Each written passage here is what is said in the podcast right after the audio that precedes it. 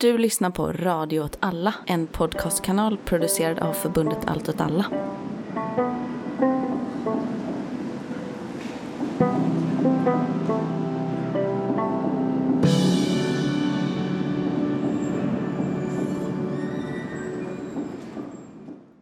Vad är det vi brukar säga? Eh, vi brukar säga Hej, jag heter Anna. Eh, nu så ska ni få höra en podcast som heter Mina drömmars stad, som handlar om Stockholms lokalpolitik. Eh, ja, eh, och det är inte bara jag. Jag har med mig eh, Eh, Kalle, hej.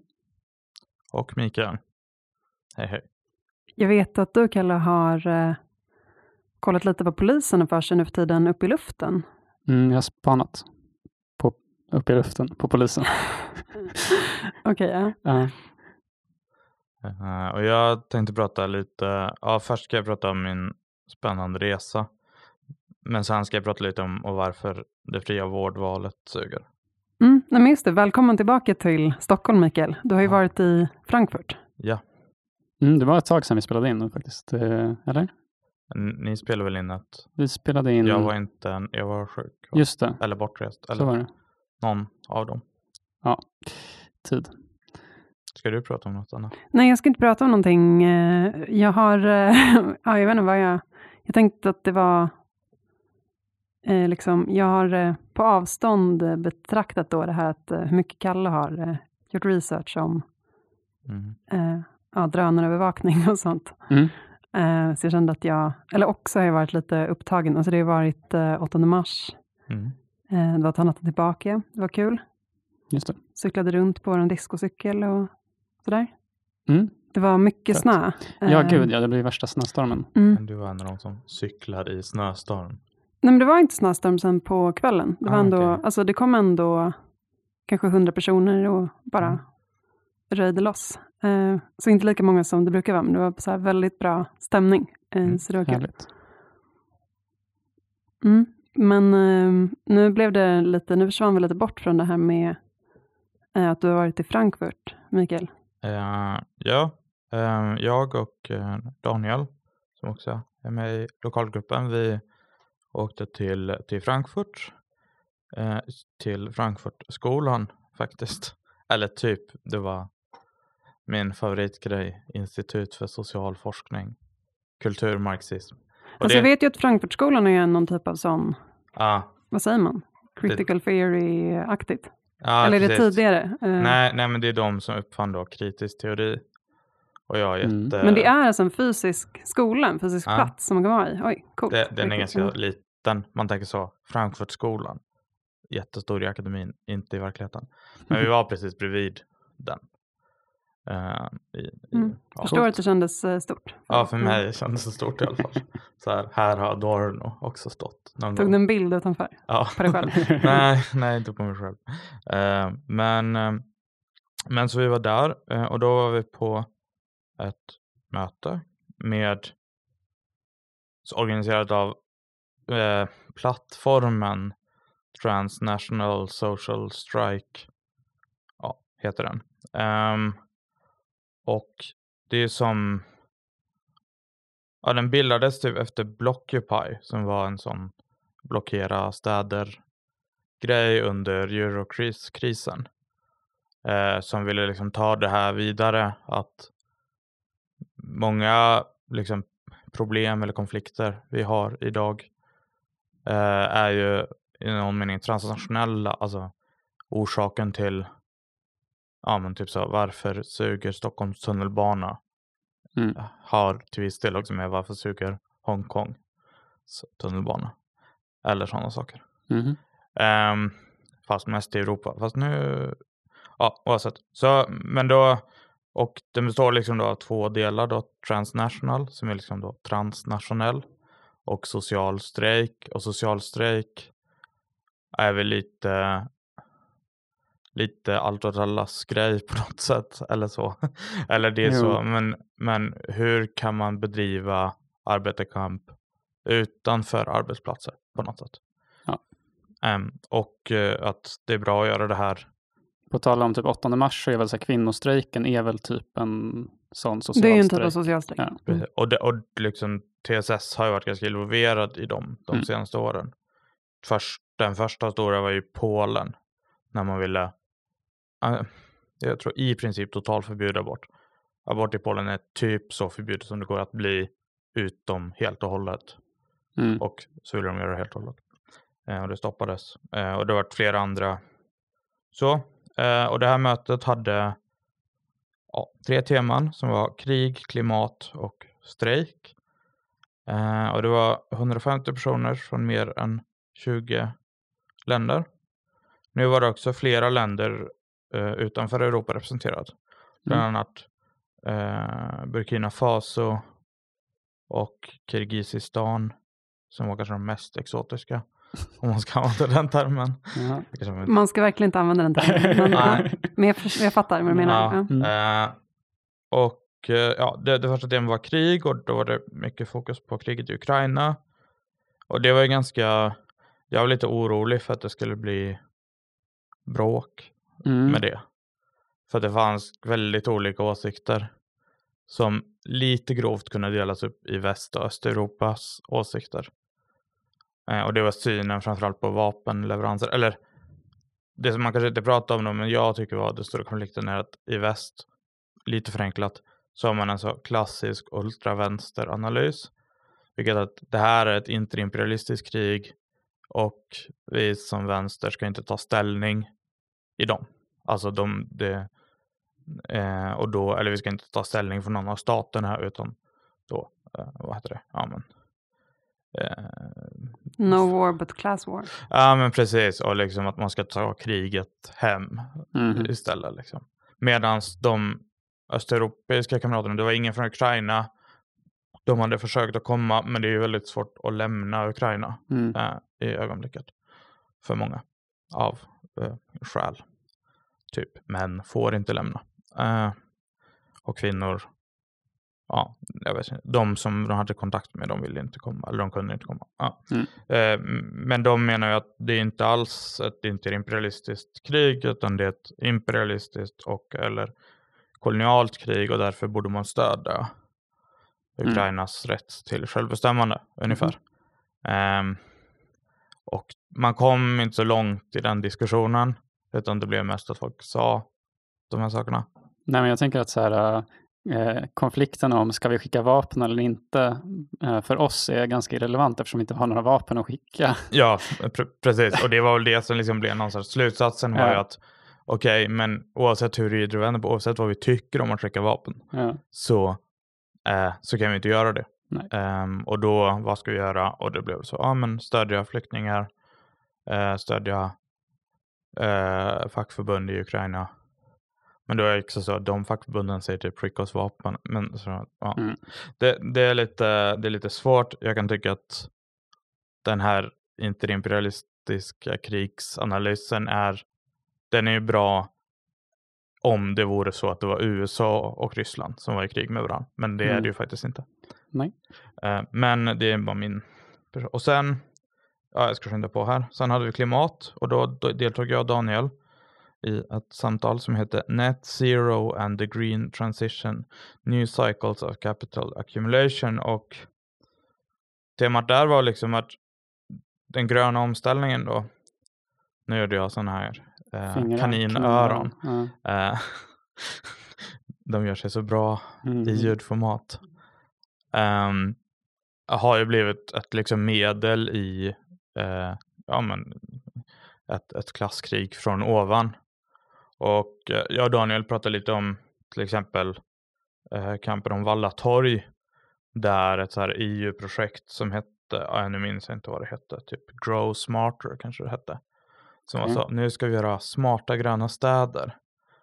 Eh, vilket innebär då att Valla torg som var liksom ett, ja men det ligger typ i Årsta fast det var typ hyror som vanliga människor kunde ha och inte bara bostadsrätter som kostar jättemycket. Eh, och då så gjorde då Stockholmshem, alltså som ändå är så allmännyttigt bolag, att de typ ville höja hyrorna med 60 procent. Just med då, och med argumentet att ja, men nu blir det mer miljövänligt. Ska man diskutera om det blev det.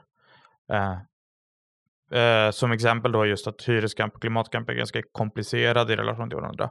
Ibland är det så lätt, det är dåligt när man bygger motorvägar genom bostadsområden. Ibland är det svårt att, ja men viss så omställning kan skada hyresgäster.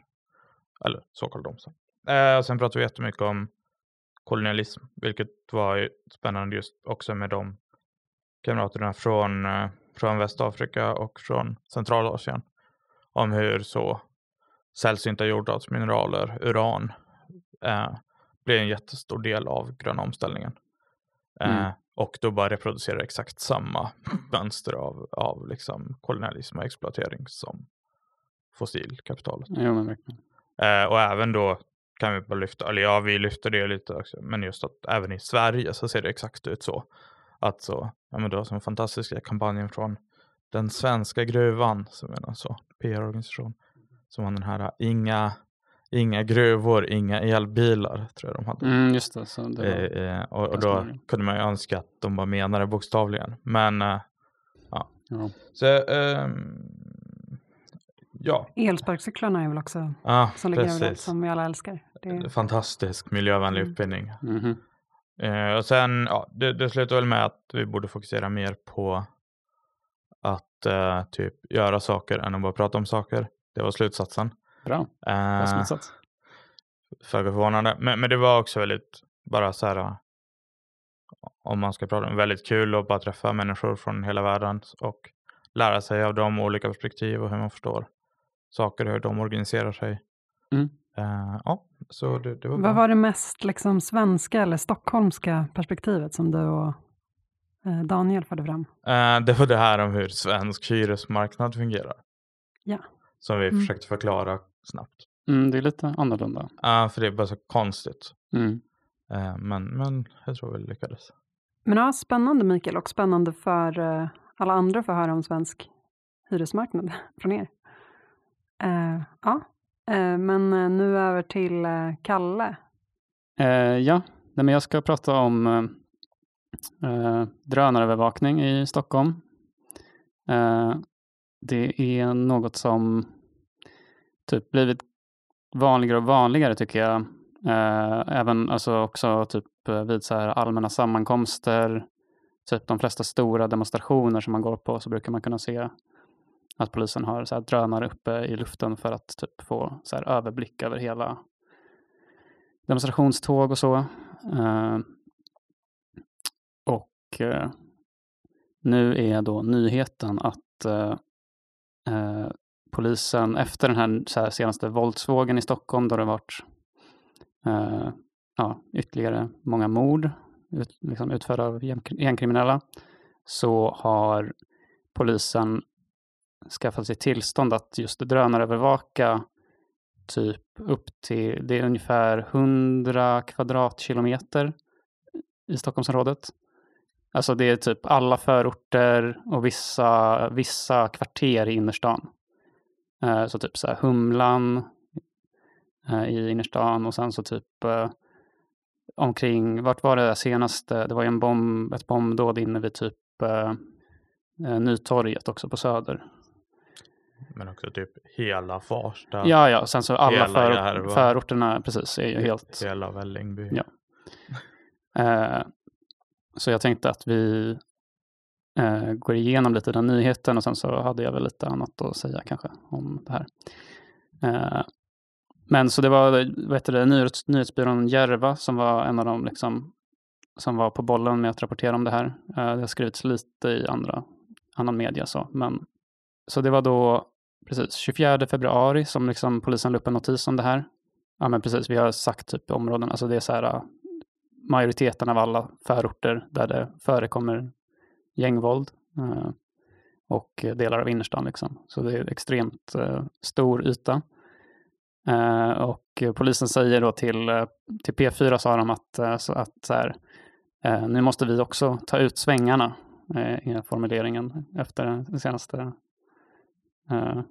utvecklingen. Polisen tar ut svängarna med sin drönarövervakning. Mm, Ska de liksom också börja skjuta släktingar? Eller jag vet inte. Ah, jätte... Ja. Ja.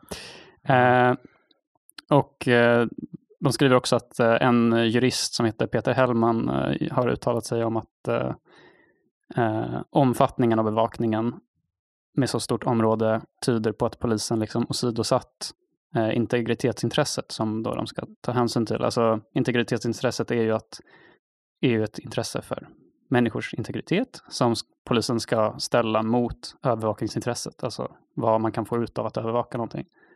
Uh, men det är polisen själva som avgör, alltså det här, gör den, eh, väger dem mot varandra. Och i det här fallet så då tycks det vara så att man har valt eh, väldigt stor övervakning till och eh, struntat i lite integriteten för att man tycker att det är värt det. Typ. Eh, de, men det som är liksom grejen med det här är ju att tanken med det är att det ska vara både så här i brottsförebyggande syfte och i utredningssyfte. Så att så här, både det ska skrämma folk att inte begå brott eh, och det ska hjälpa till när de utreder om någonting, när någonting har hänt. Och det är väl det som är kära äh, frågan. Polisen påstår ju att det här är jätteeffektivt för att just i brottsförebyggande syfte. Det är lite oklart för mig om alltså så här, vad, vad man har för belägg till det. Liksom. Eh, I artikeln från nyhetsbyrån Järva så säger man ju att alltså, under tisdagskvällen till exempel så skedde liksom skjutningar både i Rissne och Sätra, alltså där just eh, som ingår i det drövna övervakade området. Eh, och att så här... Eh, typ, alltså du menar att det är redan drönare där? Nej, grejen med det här är ju att de har sagt att så här, vi kan övervaka hela de här områdena i typ hela Stockholm.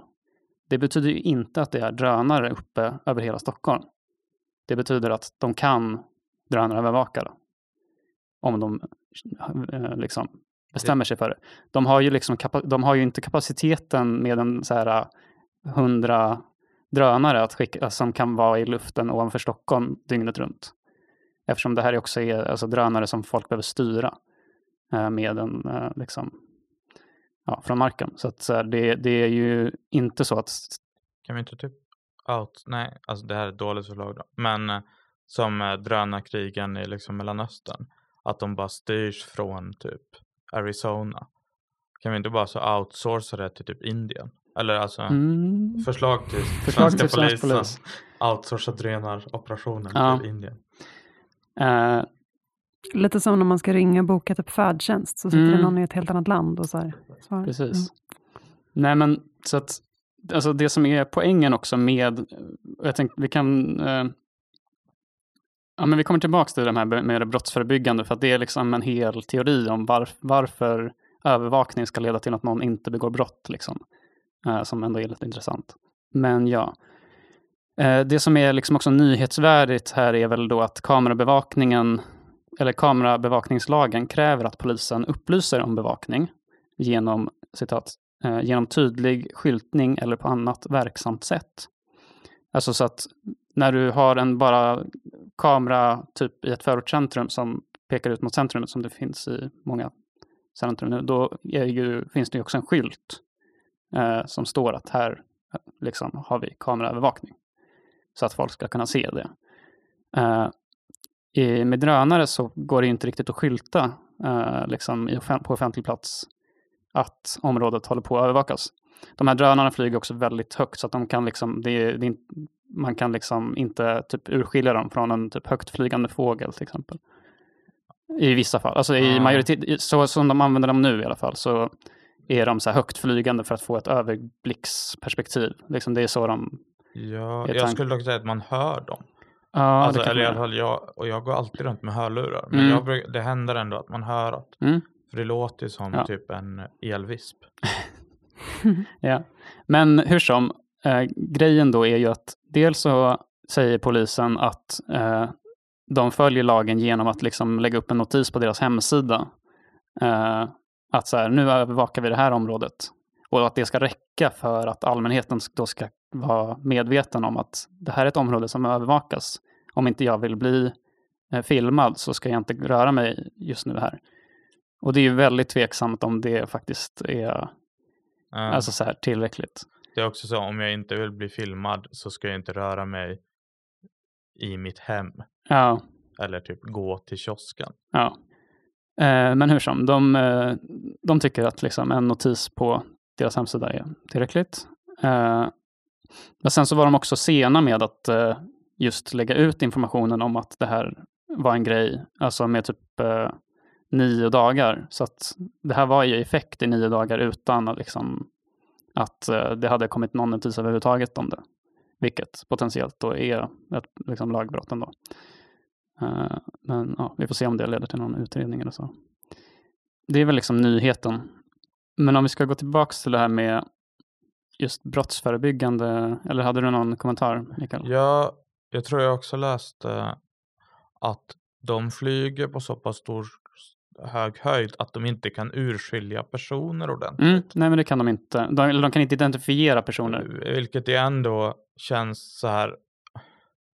Det beror lite på hur man använder dem. För att alltså, de är ju utrustade med så här, värmekameror. ah, okej. De kan vara utrustade med en, i ansiktsigenkänning. Ja, Eh, det beror lite på vad, man har, vad de har valt att klistra på de här drönarna. ah, okej. För att det är också så här, du kan inte ha all utrustning på en drönare för att den blir Nej. för tung för att flyga. Då. Så då är det så här äh, lite efter vad de är ute efter att få för effekt av det. mm, Det de har sagt nu är ju att det här ska vara så här, äh, vi vill ha det här för överblick typ. mm, Eh, och sen så om vi behöver liksom se någonting närmare så är det ju tanken att så här, ja, men nu ser vi att något händer här, då skickar vi ut en patrull. Liksom. okej. Det är väl typ den typen av... Eller bara att så här, ha en i luften surrande eh, och tänka att så här, det här ska avskräcka folk från att begå brott just nu. Men då måste man väl ha dem lite längre ner? Liksom. Nej, men grejen som är eh, då teorin bakom varför någonting eh, då skulle kunna leda till att man eh, liksom blir avskräckt att begå brott eh, bygger ju på att eh, det här, man måste vara, personen då ska vara medveten om att det finns en potentiell övervakning av området. Eh, och de måste också veta att den här övervakningen kan leda till att jag liksom åker dit, typ. Så att det ska finnas, en, det ska finnas så här, kunskap om övervakningen. Det ska finnas eh, konsekvens av att man blir övervakad. Och sen måste också personen då handla rationellt. Eh, och så tänka, ja men det är för stor risk för att jag vet ju att det här området är övervakat. Jag borde inte begå brott här. Och allt det här är ju liksom det som lite också te- teorin faller på. Att så här, eh, vi kan ju se liksom att de, de som liksom begår de här eh, värsta liksom våldsbrotten nu som man försöker bli av med är ju liksom väldigt unga personer med ganska bristande konsekvenstänk. Eh, jag tror att det liksom är eh, ja, jag tror inte att, en, att, så här, att bara för att man ser någonting som skulle kunna vara en drönare i luften, liksom, det, behöver, det är inte en, något som är avskräckande på det sättet som man tänker. Nej, jag tänker att om du är 14 år Mm, och du ska döda någon. mm, Alltså jag vet inte, avskräckningsmomentet är ju så långt. Alltså jag tänker Mm. att den avskräckning man skulle få skulle jag ha stoppat den så mycket. Alltså om man Ja. är där så kommer inte det. Ah, nej, Ja verkligen. Eh, men jag läste, vet du, det, en...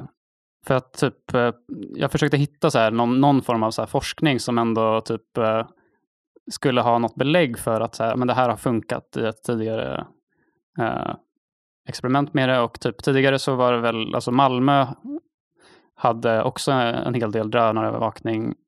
Eh, men då kanske främst för att bli av med så här öppen drogförsäljning på gator och sånt. Eh, och då anser ju polisen att alltså, drönarövervakningen i kombination med liksom andra, annat som de har hållit på med liksom lyckades få, få ner den öppna drogförsäljningen i Malmö. Uh, men då är, alltså det är just det här eh, att, uh, uh, här är ett citat från en polis i Malmö som jag kan läsa. För att det ska bli någon pedagogisk effekt uh, förebyggande för nästa gång så måste det också bli en konsekvens av det. Eh, så att när man ingriper, ingriper mot en person så måste man säga vi såg dig i drönaren eh, och det kommer leda till att vi kan liksom arrestera dig nu. Eh, och att de liksom verkligen är så här tyd, de vill ju att folk ska vara medvetna om att de ser dem genom, alltså i, i drönarövervakningen för att det är det så de tänker att eh, då kommer folk lära sig att ja, men då ska jag inte sälja droger ute på gatan. Liksom. Uh, det är en väldigt så alltså discipli, disciplinerande liksom, uh, uh, ja, jag vet inte. Får jag berätta en rolig ja, historia? Berätta en rolig historia. Det är att jag har blivit utsatt för det här. Okay. I Skellefteå av alla ställen. Ja. att det var, det är någon sorts festival som heter Trästock. Ni fattar. Mm. Det är jättebra skämtet här. Mm. och då var jag och ja, min morbror och ja, hans pappa. Det var ett gäng. Jag och, och tre gubbar. Nej, yngre gubbar. Ja. Oavsett, tre andra äldre vuxna personer. Vi var där och sen gick vi längs älven och drack öl på väg till den här festivalen. Uh, och vi visste att så här, nej, man får inte ta in öl på festivalområdet och det fattar man så det, det kommer med på. Men Plötsligt så kom det då en drönare flygande så här över oss och man bara okej okay, vad fan är det här? Och sen liksom tre, fyra minuter efter kommer två poliser stark så här, kling och klang känsla på de här och bara skriker så här stopp! Om ni dricker en droppe till så kommer ni betala 5000 i böter. För tydligen hade de då ändrat lagen så att det var olagligt att dricka vid eh, ja, den liksom okay. vattenpromenaden. Ja. Det, det, var ju liksom lagligt alla andra dagar i året. Mm. Men just den dagen var det tydligen olagligt. Mm. Undantagstillstånd. Typ. Ja, ja mm. men precis. Så det var lite så. Då, då, så jag vet. Mm. Ja, men, och då slu, och sen så, ja. Men vi fortsatte ju dricka ändå. Men när de hade gått. Men ja. ja. Så, så jag, i vårt fall funkar det ganska dåligt. Mm. Alltså vi slutade ju dricka i kanske en kvart. Mm. Mm, jag sitter och funderar på om det här eh, motbevisar liksom Foucaults panoptiska eh, idé om övervakning ja. och disciplin. Ja. Jag tycker att det, det verkar ganska do, fungerar ganska dåligt. Mm. Uh, ja. Oklart. Men vad säger forskningen då? For, alltså det är det som är grejen. Jag har inte hittat någon faktisk alltså så här, um, något där någon faktiskt pekar på något som är mätbart. Eh, mm. Det enda som jag hittat i forskning är att polisen själva uppger att de upplever det här som effektivt. Men det betyder ju ingenting. Alltså, Facts over feelings. Eh, så att liksom något faktiskt mätbart av att så här, efter att vi införde det här så minskade brottsligheten med det här på den övervakade mm. ytan. Alltså det man kan se från med, snarare med eh, den tidigare kameraövervakning är ju bara att brotten förflyttas. Mm. Uh, alltså så här, ja men nu övervakar vi det här området, då begås brottet där borta. Mm. Uh, och i det här läget så är det ju så här att jag tänker också att den här extremt stora ytan de har valt att potentiellt övervaka gör det ju också lite meningslöst. Liksom så här, jag vet ju att det är omöjligt att de har övervakning på alla de här platserna.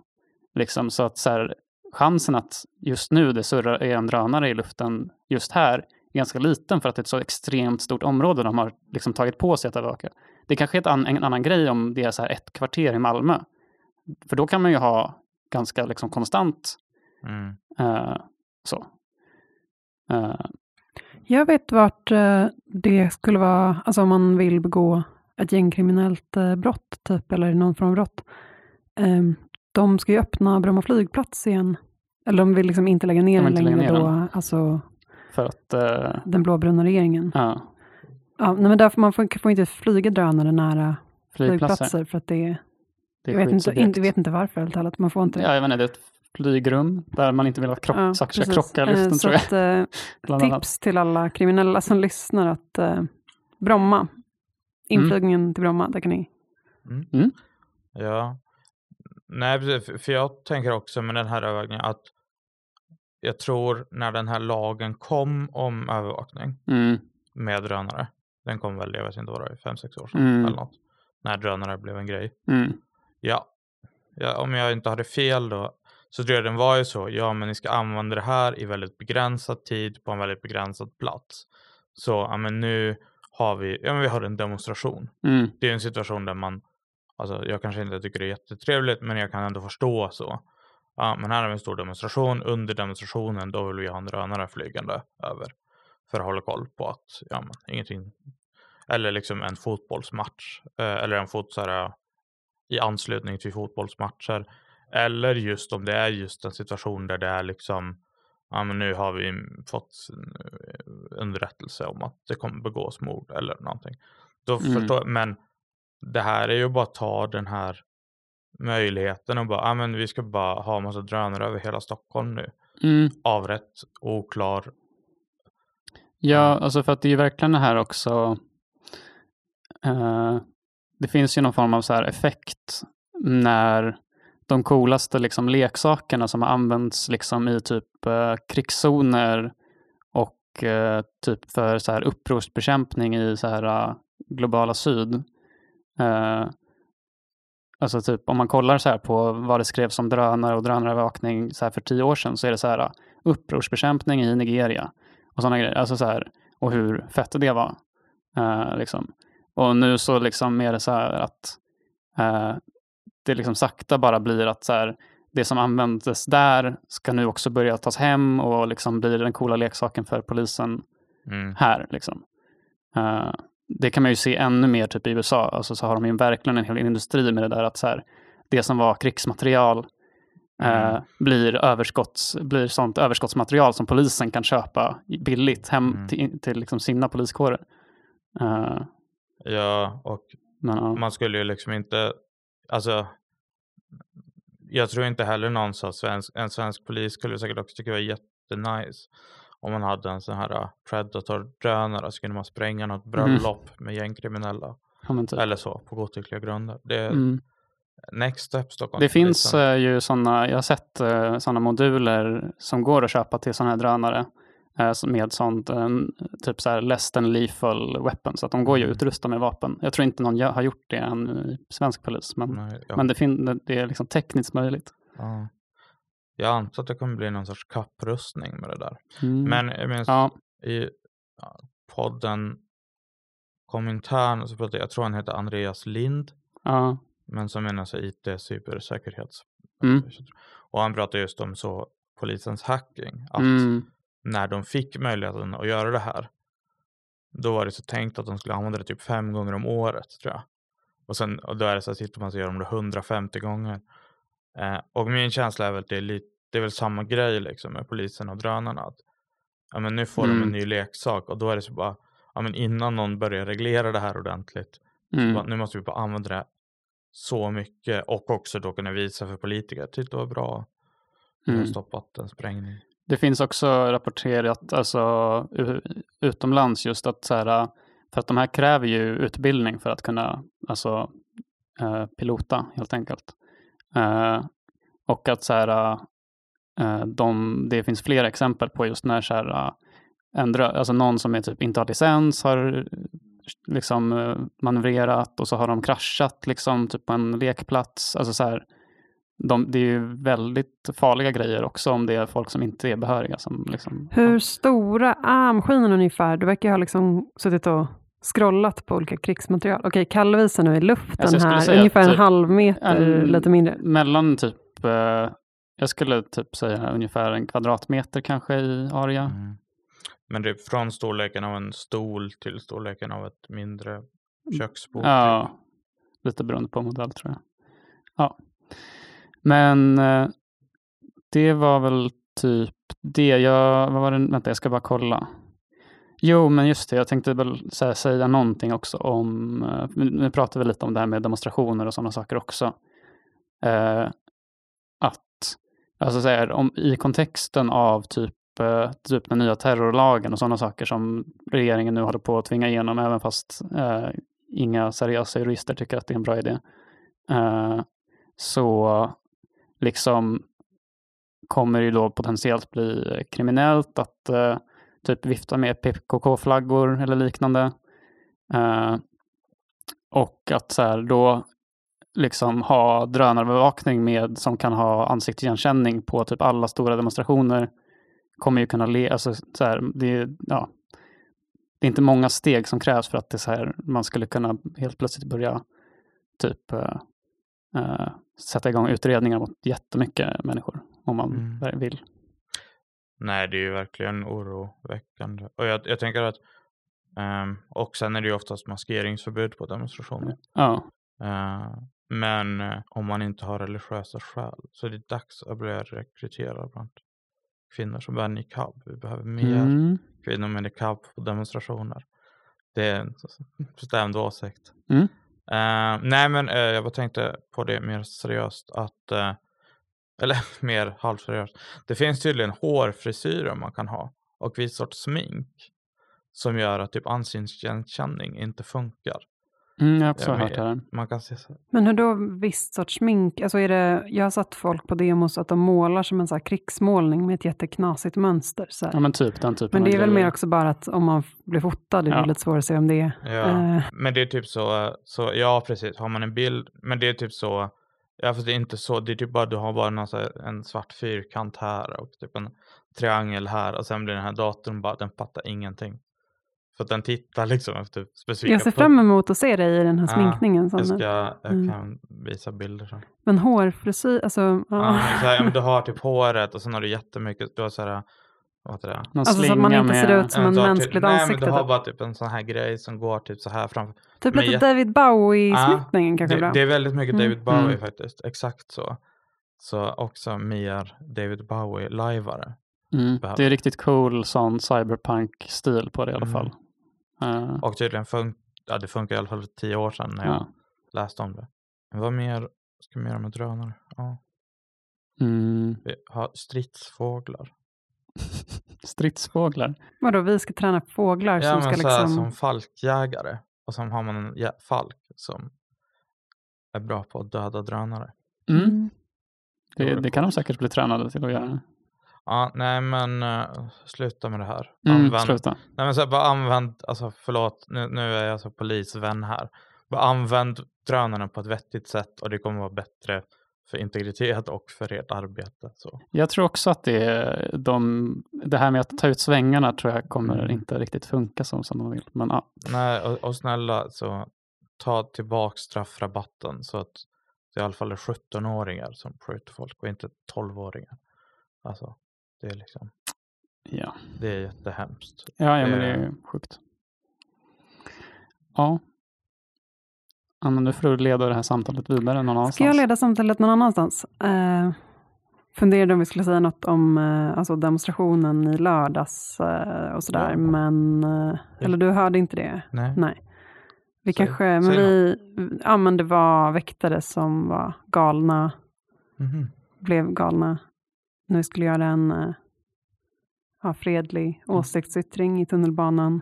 Mm. Mm. Ehm, men det var också så att det var några ja, men små kids, alltså typ eh, 14-15-åringar som bara såg liksom eh, demonstrationen och bara, ja men vi hänger med. Liksom. Mm. Eh, och de blev då så här nedslängda på, eller nedtryckta av golvet av väktare och sådär. Oj, ja. Mm, de smet brutalt. undan. Men vi behöver inte Nej, vi behöver inte prata gå om in i det, detalj på det. Det var bara riktigt oproportionerligt eh, beteende från eh, väktare och polis. Mm. Det, det är det där med trygghetsskapande åtgärder Mm. som, jag vet inte, min upplevelse är alltid att man känner sig mindre trygg. Mm. Det var i och för sig senaste nu, eh, eh, mitt i Stockholm här var det ju eh, typ att eh, an, eh, väktarantalet eh, har ju sjunkit väldigt mycket nu under Mm. med styret. Mm. Från 27 patruller till typ så här, Nio var det, eller Mm. någonting sånt. något sånt. Ja. Så det, De hemma hos mig har inte slutat. de har inte slutat. Nej. Ja, ja.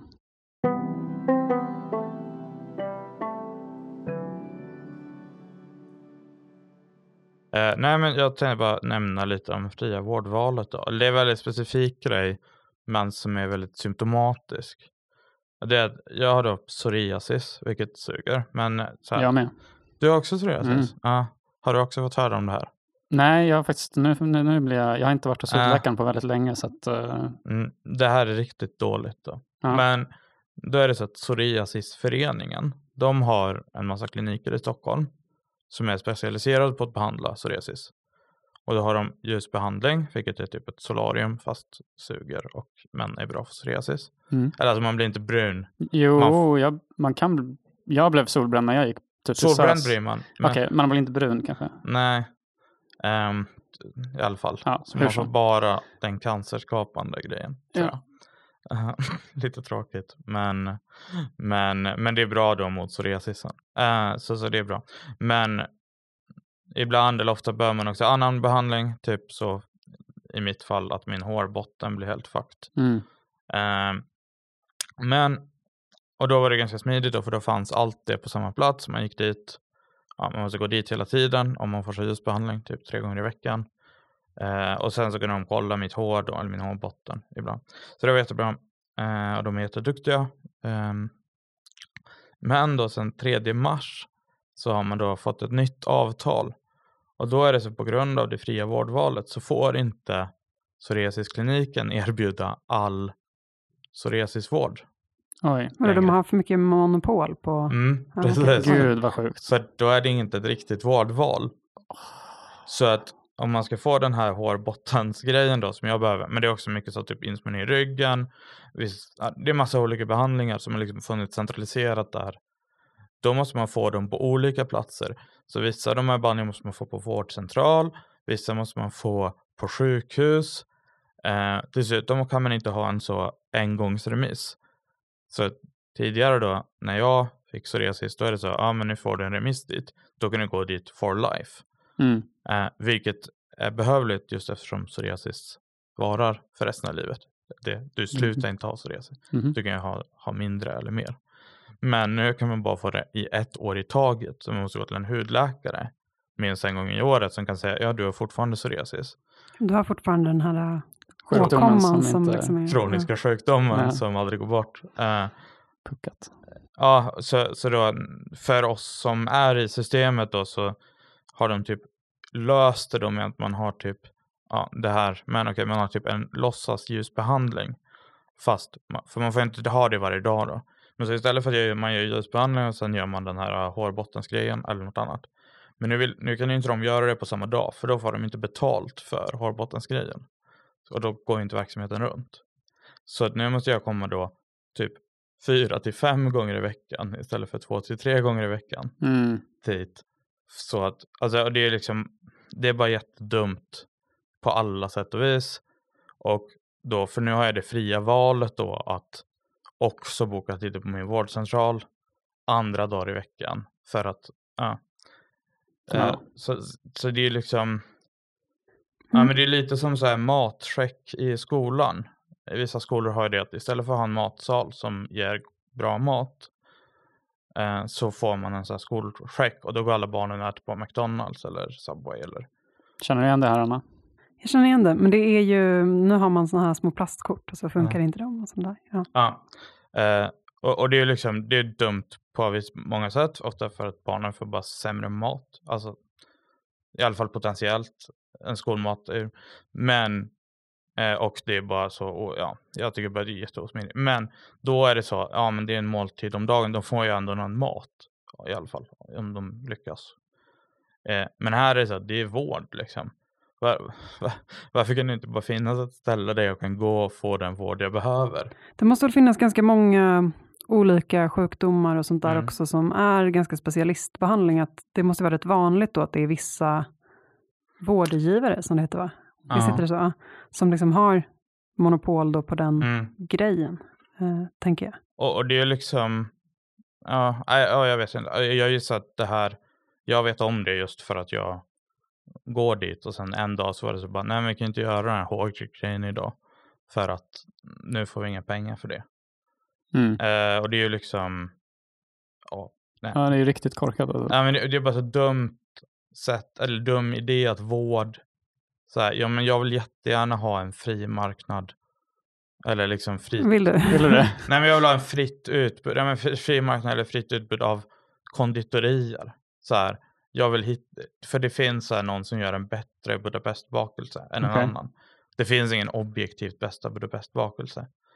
Men just när det kommer till typ vård eller alla sådana saker, det Mm. finns liksom ingenting som gör det bättre av att man kan välja att plocka ihop sin egen liksom ja, ja Mm. man blir, det blir bara så trött liksom att nu eh, och jag har tur då att jag är inne i systemet så då då har jag tur att jag behöver bara gå dit fem gånger i veckan istället för att jag behöver också gå till en annan vårdcentral Jo, Eller till ett sjukhus. Eller, ja. men det är ju liksom att så här, en jättestor, det blir ju en jättestor del av ens liv. Liksom. Jag minns Mm. när jag gjorde, jag behöver inte gå till såna, på sån Nej. behandling längre, men när jag gjorde det alltså, i typ tonåren så Mm. var det liksom, alltså, så här, hela veckan går ju planeras runt liksom, Mm. att det här ska funka typ. Det är asstörigt om Man det... kommer hem mycket senare. Ja, Eller liksom måste gå upp klockan fem så man hinner innan jobbet. Ja. Ja. Men så det är redan störigt liksom. Men nu har det fria vårdvalet gjort det ännu störigare. Ja. Så tack. Ehm, och eh, ja, jag hoppas om någon vänsterpartist som, bra, inte du då Anna. men någon, någon Jag har inte så mycket makt Nej, eh, precis, men om någon vänsterpartist i regionen. Ja. lyssnar på det här eller någon som känner dem, snälla, bara be dem, bara fixa det här, bara för min skull, min och alla andra som har psoriasisens skull. Mm. Och sen kan vi tillsammans stoppa det fria vårdvalet förr eller senare. Mm. Ni kan göra en sån eh, protest där ni bara åker hem till de ansvariga och Ja. kliar er så här bredvid dem. Och det kommer såna- dumpar ett Mm. kilo hår i Mm. botten. Uh, Eh, ja, mm, eh, tack för mig. Mm, otippad eh, så vändning, att det handlade så mycket om, om det här. Men vi, ja, ehm, ska vi säga hej då? Jag är, just det, de från redaktionen vill ju också pusha sin Patreon. Mm. Eh, jag fick skäll för att eh, jag inte sa att det finns en Patreon. Eh, så nu tänker jag säga det. Det finns en Patreon där man kan skänka pengar. Vi gör ingenting speciellt för det, men ja, om man tycker att det är bra med en bra radiokanal som har bra utrustning så kan man ju stötta med lite pengar om man vill. Bli en multitudens entreprenör. Mm, det Eller är en risk. En, en, vadå? En risk, En riskkommunist. en riskkommunist. Ja, Ja. Så många fina titlar man kan få. Man kan också bara betala typ två euro så Mm. får man ett frågeavsnitt. Just det.